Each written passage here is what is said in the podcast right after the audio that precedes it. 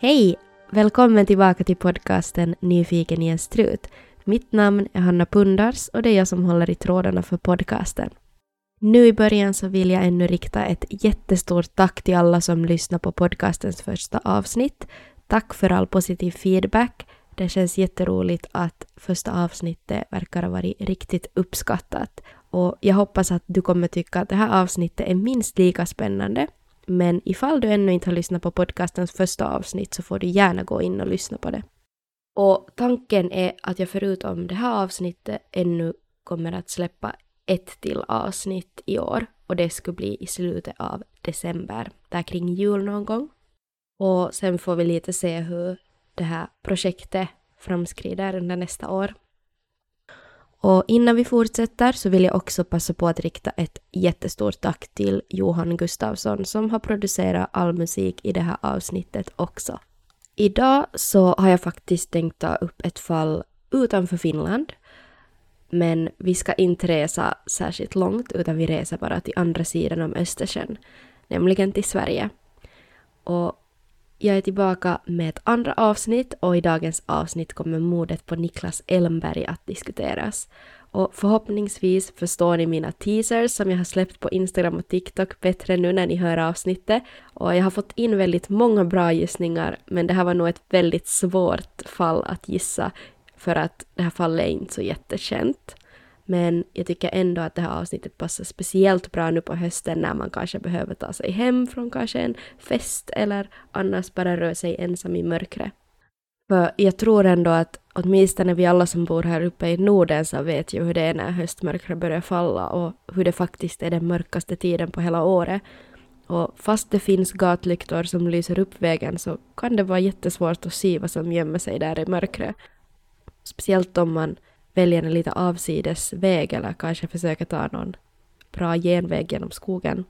Och här var jag bor så är kommunen också väldigt bra på att spara pengar och att kanske bara ha en del gatlyktor upplysta under natten. Och det är ju kanske inte så jättetrevligt då när man ska försöka ta sig fram i mörkret och när det kanske ofta är väldigt ruggigt väder som det brukar vara på hösten. Och en del av avsnittets källor kommer jag förstås att länka i beskrivningen och där kan du också läsa på mer och jag vill också passa på att varna känsliga lyssnare. Men nu kör vi igång med podcastens andra avsnitt.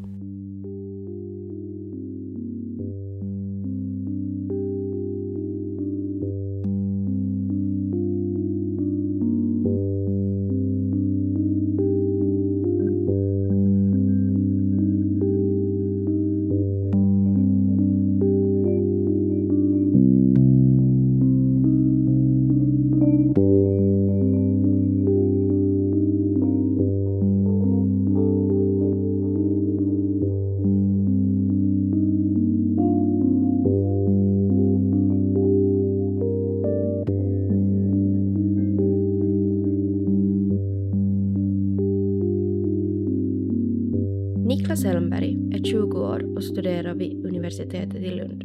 Det är ett av Sveriges största universitet med omkring 40 000 studerande. Niklas studerar bland annat fysik, matematik och filosofi. Men han har länge drömt om att göra ett uppehåll i sina studier då han jättegärna skulle vilja åka till Kina i ett halvår. Studiehösten har dragit igång och likaså har höstmörkret också börjat falla i studiestaden Lund. Fredagen den 27 september år 1991 ordnas en avskedsfest för Niklas då Niklas ju snart ska ta sig an nya utmaningar i Kina. På festen finns Niklas och hans kompisar men också en del studenter med samma studieinriktning som Niklas. Det dricks några öl och festen verkar som vilken annan universitetsfest som helst. Klockan börjar närma sig två på natten och Niklas och en annan i sällskapet lämnar festen. De cyklar tillsammans till Barntorget i Lund. Niklas och kompisen äter någonting, troligtvis varmkorvar som de beställer från en lokal grill. Kompisen och Niklas skiljs sedan åt och kompisen tar sig hem till sin bostad i Lund. Det är mörkt och kyligt ute och nu märks det tydligt att hösten börjar ta plats på riktigt. Niklas fortsätter på egen hand att cykla mot sina föräldrar som bor i Bjärred. Han cyklar längs med väg 16 där vägen till viss del lyses upp av gatulyktor. Det är en sträcka på ungefär 10 kilometer. Han cyklar längs med vägen och förbi en småort kallad Fjälje. Det blir lördagsmorgon och Niklas har inte dykt upp hos föräldrarna. Han har inte heller hört av sig till dem och ingen annan verkar ha sett honom någonstans. Föräldrarna blir förstås jätteoroliga och väljer att på söndagen kontakta polisen och anmäla då Niklas försvunnen. Det här är ett ovanligt beteende från Niklas för han brukar oftast meddela om var han är eller vart han är på väg och ifall hans planer har ändrats. På söndagen dras en stor sökinsats igång men inga spår eller ledtrådar av Niklas verkar hittas inom de närmsta dagarna. Det är först fem dagar senare, den 2 oktober, som en kvinna cyklar längs med samma väg som Niklas har cyklat. I närheten av den lilla orten Fjälje så skymtar kvinnan någonting i ögonvrån. Hon tycker sig skymta ett rött byxben.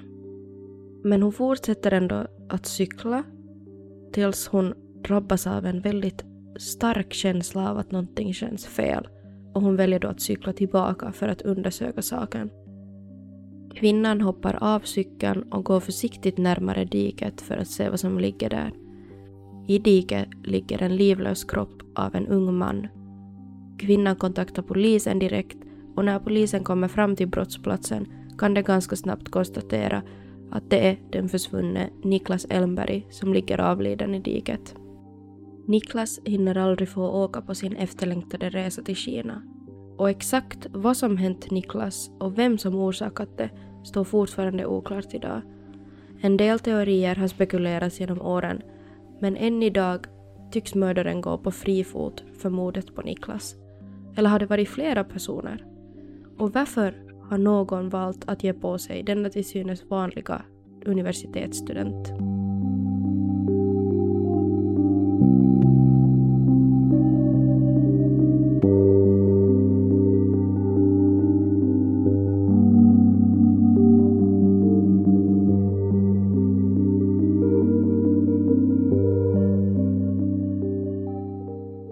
Nu tänkte jag då i vanlig ordning gå igenom lite facts, eller det som vi vet om det här fallet helt enkelt. När Niklas hittas så kan polisen säga att han är allvarligt misshandlad. Niklas har flera sticksår på nacken, halsen och bröstkorgen och de är troligtvis orsakade av en kniv. Enligt polisen så finns det heller inga tecken på att Niklas skulle ha försvarat sig mot förövaren.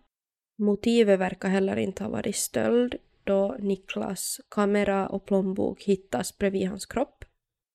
Hans nycklar och identitetskort finns också kvar i plånboken. Niklas cykel så hittas en bit från platsen och den är alltså inte heller stulen. Och cykelkedjan verkar däremot vara av. Men oklart om den är kapad eller om den bara har hoppat ur. Polisen börjar här misstänka att Niklas kan ha blivit förföljd eller kanske också att någon kan ha skrikit åt honom att stanna. Enligt polisen så är det troligt att Niklas har blivit så pass överraskad av anfallet så att han därför inte har haft tid att försvara sig, vilket förklarar varför han inte har något tecken på att han försvarar sig mot förövaren. Polisen beskriver också våldet som är riktat mot Niklas som väldigt okontrollerat och som att övervåld har använts. Alltså har förövaren använt sig av mer våld än vad som har varit nödvändigt för att ta livet av Niklas. Och polisen är alltså här helt säkra på att det är ett mord som har begåtts. Niklas skulle inte ha kunnat utföra de här skadorna på sig själv och han skulle inte ha kunnat få de här skadorna av att falla med cykeln eller någon slags olycka. Någonting som jag tycker är lite oklart här är själva tidslinjen. Niklas kropp hittas ju först några dagar efter att han har anmält försvunnen. Men jag har som inte läst några rapporter om när polisen menar att mordet kan ha skett. Jag antar ju förstås sen då att mordet har begåtts på själva natten då Niklas cyklar hem från festen. I och med att han aldrig kommer fram. Och det verkar inte heller finnas några direkta eller väldigt vaga bevis för att Niklas kropp ska ha flyttats. Eh, så det är alltså väldigt osannolikt att han ska ha förts bort under mordnatten, mördats någon annanstans och sedan förts tillbaka till det diket där var han hittas. Det här känns också som ganska onödigt extra jobb och att det skulle bli väldigt omständigt för mördaren att mördaren skulle flytta Niklas kropp och mörda på ett annat ställe. Och i och med att det här våldet mot Niklas verkar jätteokontrollerat så verkar det ju vara ganska spontant av mördaren. Och det här sker ju ändå på en allmän plats, så jag tänker väl ändå att mördaren har haft ganska bråttom och bara ville få det överstökat. För vem som helst kan ju ändå dyka upp där och plötsligt bevittna hela händelsen. Eller kanske är det också Niklas som har bevittnat någonting och mördaren har varit tvungen att göra sig av med vittnet.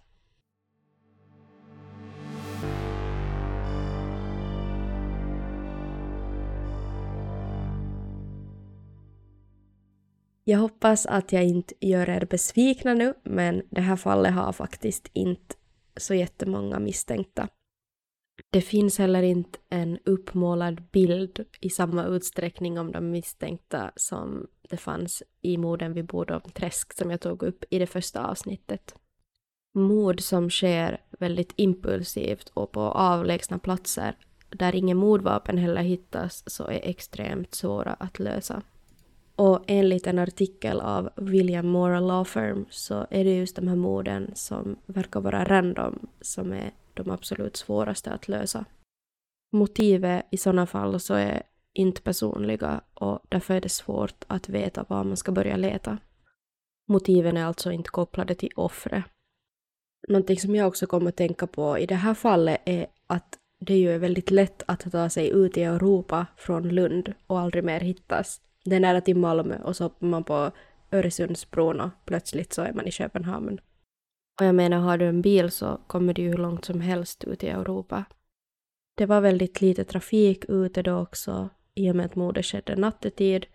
Och sen tror jag också att höstmörkret har varit en ganska bidragande faktor. Att gärningsmannen har kunnat komma undan för att gärningsmannen har bara kunnat försvinna ut i mörkret utan några vittnen eller överlevanden. Niklas verkar inte heller ha haft några kända fiender eller hotbilder. Niklas var inte heller i konflikt med några gängrelaterade bråk eller ens några gäng överhuvudtaget. Och Niklas mamma beskriver också Niklas som en citat fredlig människa, slutcitat. Och Niklas mamma betonar också att Niklas inte var en person som lätt hamnade i bråk eller ens startade bråk.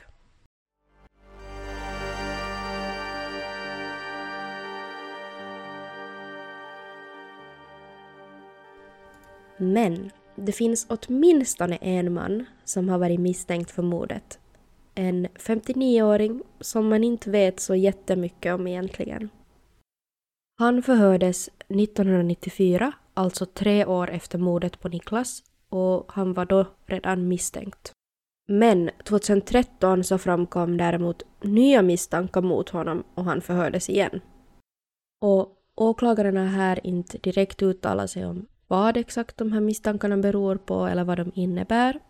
Polisen så har ändå saknat direkta bevis mot mannen och därför har mannen inte kunnat hållits häktad och varit på fri fot efter förhören med polisen, både 1994 och 2013.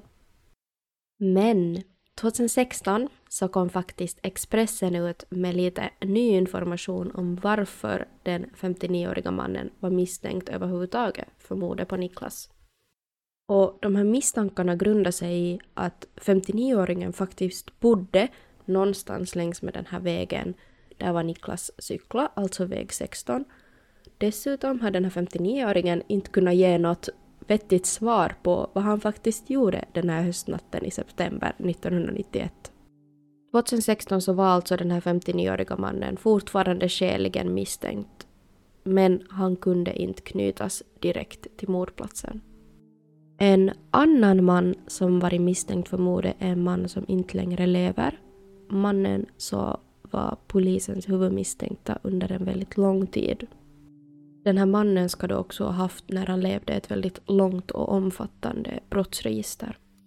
Men exakt vilka brott som fanns i brottsregistret är väldigt oklart.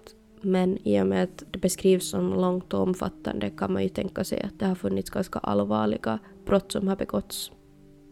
Och tydligen så fick polisen upp misstankarna mot den här mannen då flera personer tog kontakt med polisen och påstod att den avlidne mannen hade erkänt mordet på Niklas Elmberg. Men det har inte funnits tillräckligt med bevis för att kunna anhålla mannen. Jag tycker dock att det är en ganska intressant parallell här att det också i morden vid Bodomträsk så var det ju den här kioskmannen som i princip erkände morden för några bekanta och så här. Och samma sak här också verkar det som att någon har kommit fram och erkänt morden. Att vad beror det på? Har de här personerna faktiskt begått mord eller är det bara fylleprat eller skryt?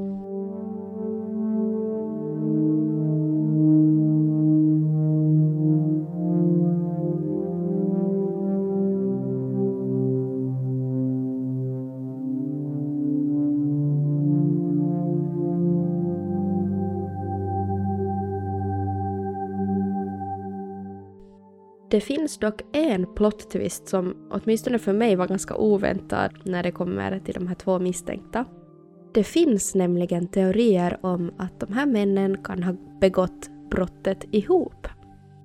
Polisen misstänker nämligen att den 59-åriga mannen umgicks med den avlidne mannen samma natt som mordet begicks. De två männen ska också ha umgåtts med varandra under en tidsperiod både innan och efter mordet på Niklas. Kan det vara så att en av männen har varit mer dominanta och kanske begått mordet medan den andra har tittat på, eller har de begått det tillsammans? Det här är nu bara mina egna spekulationer, men kanske är det så att de här två männen den här natten i september 1991 umgås och dricker alkohol. Kanske får en av männen en idé.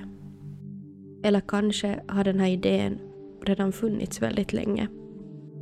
Den ena mannen kanske börjar leta efter en kniv och tillsammans beger de sig sedan ut längs med väg 16. Plötsligt kommer Niklas cyklande där, helt ovetandes om vad som kommer att hända honom. Männen kanske ropar åt Niklas att stanna och attackerar sedan Niklas. Eller kanske det rör sig om ett bråk mellan männen. Kanske männen har druckit lite och sedan blivit osams. Kanske har det gått ut för att bråka med varandra och Niklas har bara råkat vara på fel ställe vid fel tidpunkt och männen har sedan riktat sina aggressioner mot stackars Niklas. Eller är det en helt annan gärningsman? Kanske någon som bara fått för sig att mörda första bästa person som dyker upp.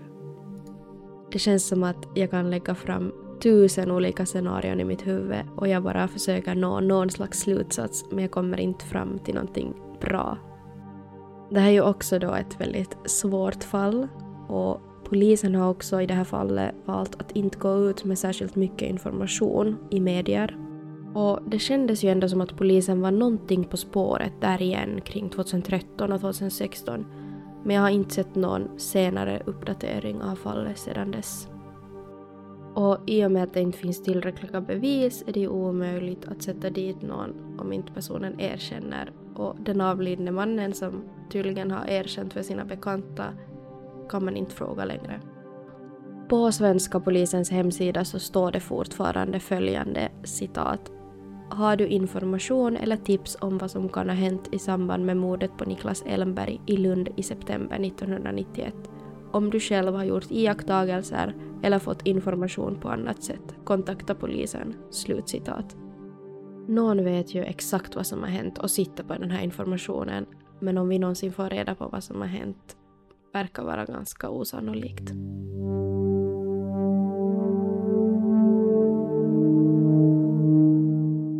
Mordet på Niklas Ellenberg betraktas idag som ett så kallat cold case eller kallt fall på svenska.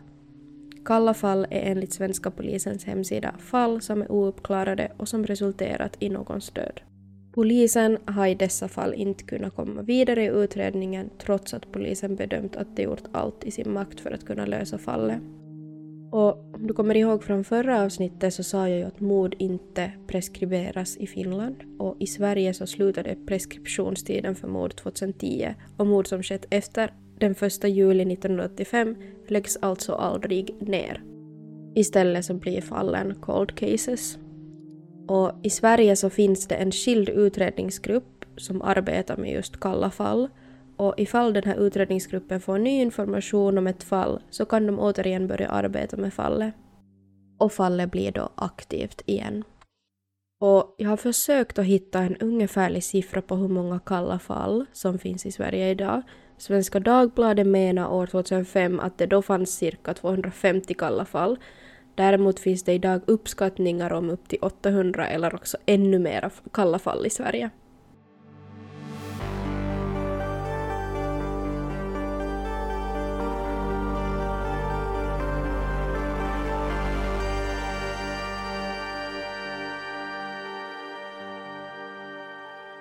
Många så verkar uppskatta min diskussion, eller vad man ska kalla det, med ChatGPT som jag hade i slutet av förra avsnittet. Jag tänkte därför att det kanske skulle vara en liten kul grej att ha med i varje avsnitt och det kanske får min podcast att sticka ut också. AI så är ju ett så himla stort fenomen i dagens samhälle och bara växer och växer och därför tycker jag också att det är relevant att jag ska använda det som hjälpmedel. Så den här delen av avsnittet så tänkte jag kunde gå under namnet Fråga ChatGPT. Jättekreativt namn verkligen. Men till dagens avsnitt så har jag frågat ChatGPT följande. Vad ska man tänka på när man tar sig hem ensam i mörkret? Det här hör ju faktiskt väldigt bra ihop med dagens fall, Niklas Elmberg, och det är nog många som rör sig ensamma i mörkret också. Men så här svarar ChatGPT, citat. Att ta sig hem ensam i mörkret kan vara en oroande situation för många. Här är några tips att tänka på för att öka din säkerhet när du går ensam hem i mörkret. Nummer 1. Ha en plan. Försök att ha en förutbestämd rutt och tidsplan för din resa hem. Om möjligt, undvik att gå igenom isolerade eller okända områden. Nummer 2. Var uppmärksam. Håll dig alert och var medveten om din omgivning. Undvik att bli distraherad av mobiltelefonen eller musik med hög volym. Nummer 3. Håll kontakten. Meddela en vän eller familjemedlem om att du är på väg hem och när du förväntas vara där. Detta ger någon information om din resa och ger dem möjlighet att reagera på om något verkar fel. Nummer 4. Ljus och synlighet. Gå längs med upplysta vägar eller områden och undvik mörka och isolerade platser. Använd en ficklampa eller ha din mobiltelefon redo för att lysa upp din väg. Nummer 5. Säkerhet i siffror. Om möjligt, gå i grupp eller be någon att följa med dig under din resa hem. Det ökar din säkerhet avsevärt. Nummer 6. Ha medel för kommunikation. Ha en mobiltelefon redo för att ringa eller skicka ett meddelande om du känner dig osäker eller i nöd. Förbered även nödnummer eller larmfunktioner på din telefon. Nummer 7. Säkerhet och självförsvar. Förbered dig mentalt på vad du skulle göra om något oroande inträffar. Ta gärna del i någon form av självförsvarsutbildning om du känner dig osäker. Nummer 8. Använd säkerhetsappar. Det finns appar som tillåter vänner eller familj att följa din rutt via din mobiltelefon, vilket kan öka trygghetskänslan. Nummer 9. Lita på din instinkt. Om någonting känns fel eller oroande, följ din intuition och överväg att gå till en plats där du känner dig trygg eller be om hjälp. Slutcitat. Jag tycker att ChatGPT gav väldigt många bra tips och förstås kunde inte Niklas utnyttja alla de här tipsen i och med att situationen på 1990-talet såg annorlunda ut än vad den ser ut idag 2023. Men en viktig funktion som finns idag är ju exempelvis funktionen som du kan lägga på din iPhone och om du trycker fem gånger på låsknappen så kommer din iPhone att ringa 112. Och det här går att ändra så att den antingen ringer automatiskt när du klickar fem gånger på låsknappen eller att den ringer med några sekunders mellanrum eller att du bara som drar ditt finger sen och ringer. Och mitt bästa tips som inte ChatGPT angav så är faktiskt att beställa en taxi. Jag vet att det kan vara dyrt men ditt liv är faktiskt oersättligt. Och här syftar jag inte bara på att du kan bli mördad när du går hem från en fest, utan det finns så många andra fall där personer kanske virrat bort sig eller somnat i en snödriva för att aldrig vakna igen. Och tråkigt nog så får man höra om sådana här fall väldigt ofta. Och det var inte alls för många veckor sedan som en ung man här i min hemkommun också omkom när han försvann från ett studieevenemang. Och jag vill också påpeka det här att i Niklas Elmbergs fall så han hade ju också en cykel till exempel och man kanske ofta tänker att om man har en cykel så kan man cykla snabbt ifrån någonting men det kan faktiskt hända även fast man cyklar. Så betala hellre lite mer för en taxi så att du kommer hem tryggt. Det kan faktiskt vara din livlina. Och en annan jätteviktig sak så är att hålla koll på kompisarna. Låt inte kompisar vandra iväg själv eller fast de säger att jag kan nog gå hem själv. Utan håll kontakten och ta hand om varandra.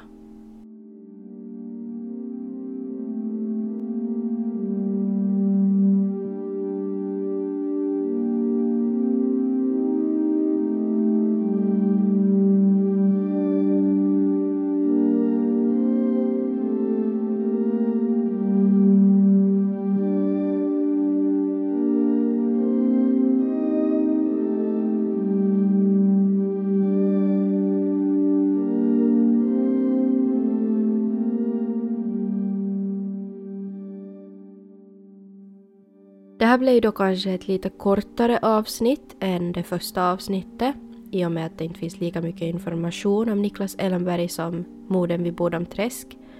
Och det finns som inte en lång hög med misstänkta här eller flera dokumentärer gjorda som man kan göra research av. Men jag tycker ändå det är väldigt viktigt att också mindre fall uppmärksammas och diskuteras då de fallen är minst lika viktiga. Alla är ju i slutändan någons syskon, förälder, barn eller kompis.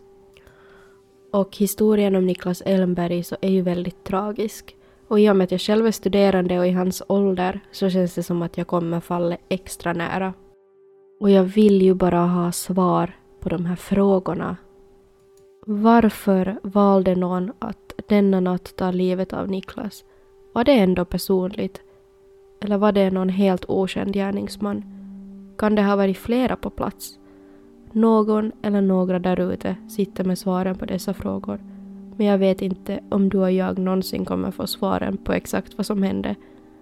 Och framför allt, varför hände det just studenten Niklas?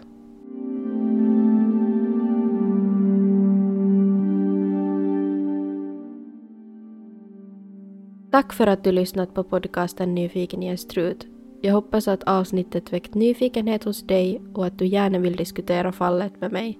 Ifall du har egna tankar och funderingar kring fallet får du gärna ta kontakt via Instagram eller TikTok under namnet nyfikenjestrut podcast. Och ännu ett stort tack till Johan Gustafsson för all musik i podcasten. I podcastens beskrivning finns de källor jag använt mig av i avsnittet. Ta gärna del av dessa källor för att läsa på mer. Kom ändå ihåg att vara självkritisk till den information du hittar på nätet. Stay curious, ha det bra och så ses vi snart igen.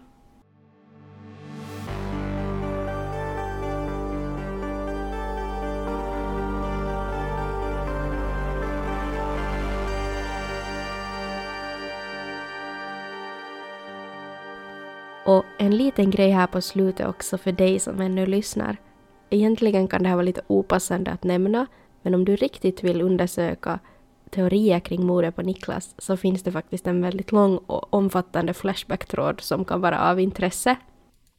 Flashback är ju absolut ingen trovärdig källa som du säkert redan vet. I och med att Flashback till största del är baserat på skvaller och rykten.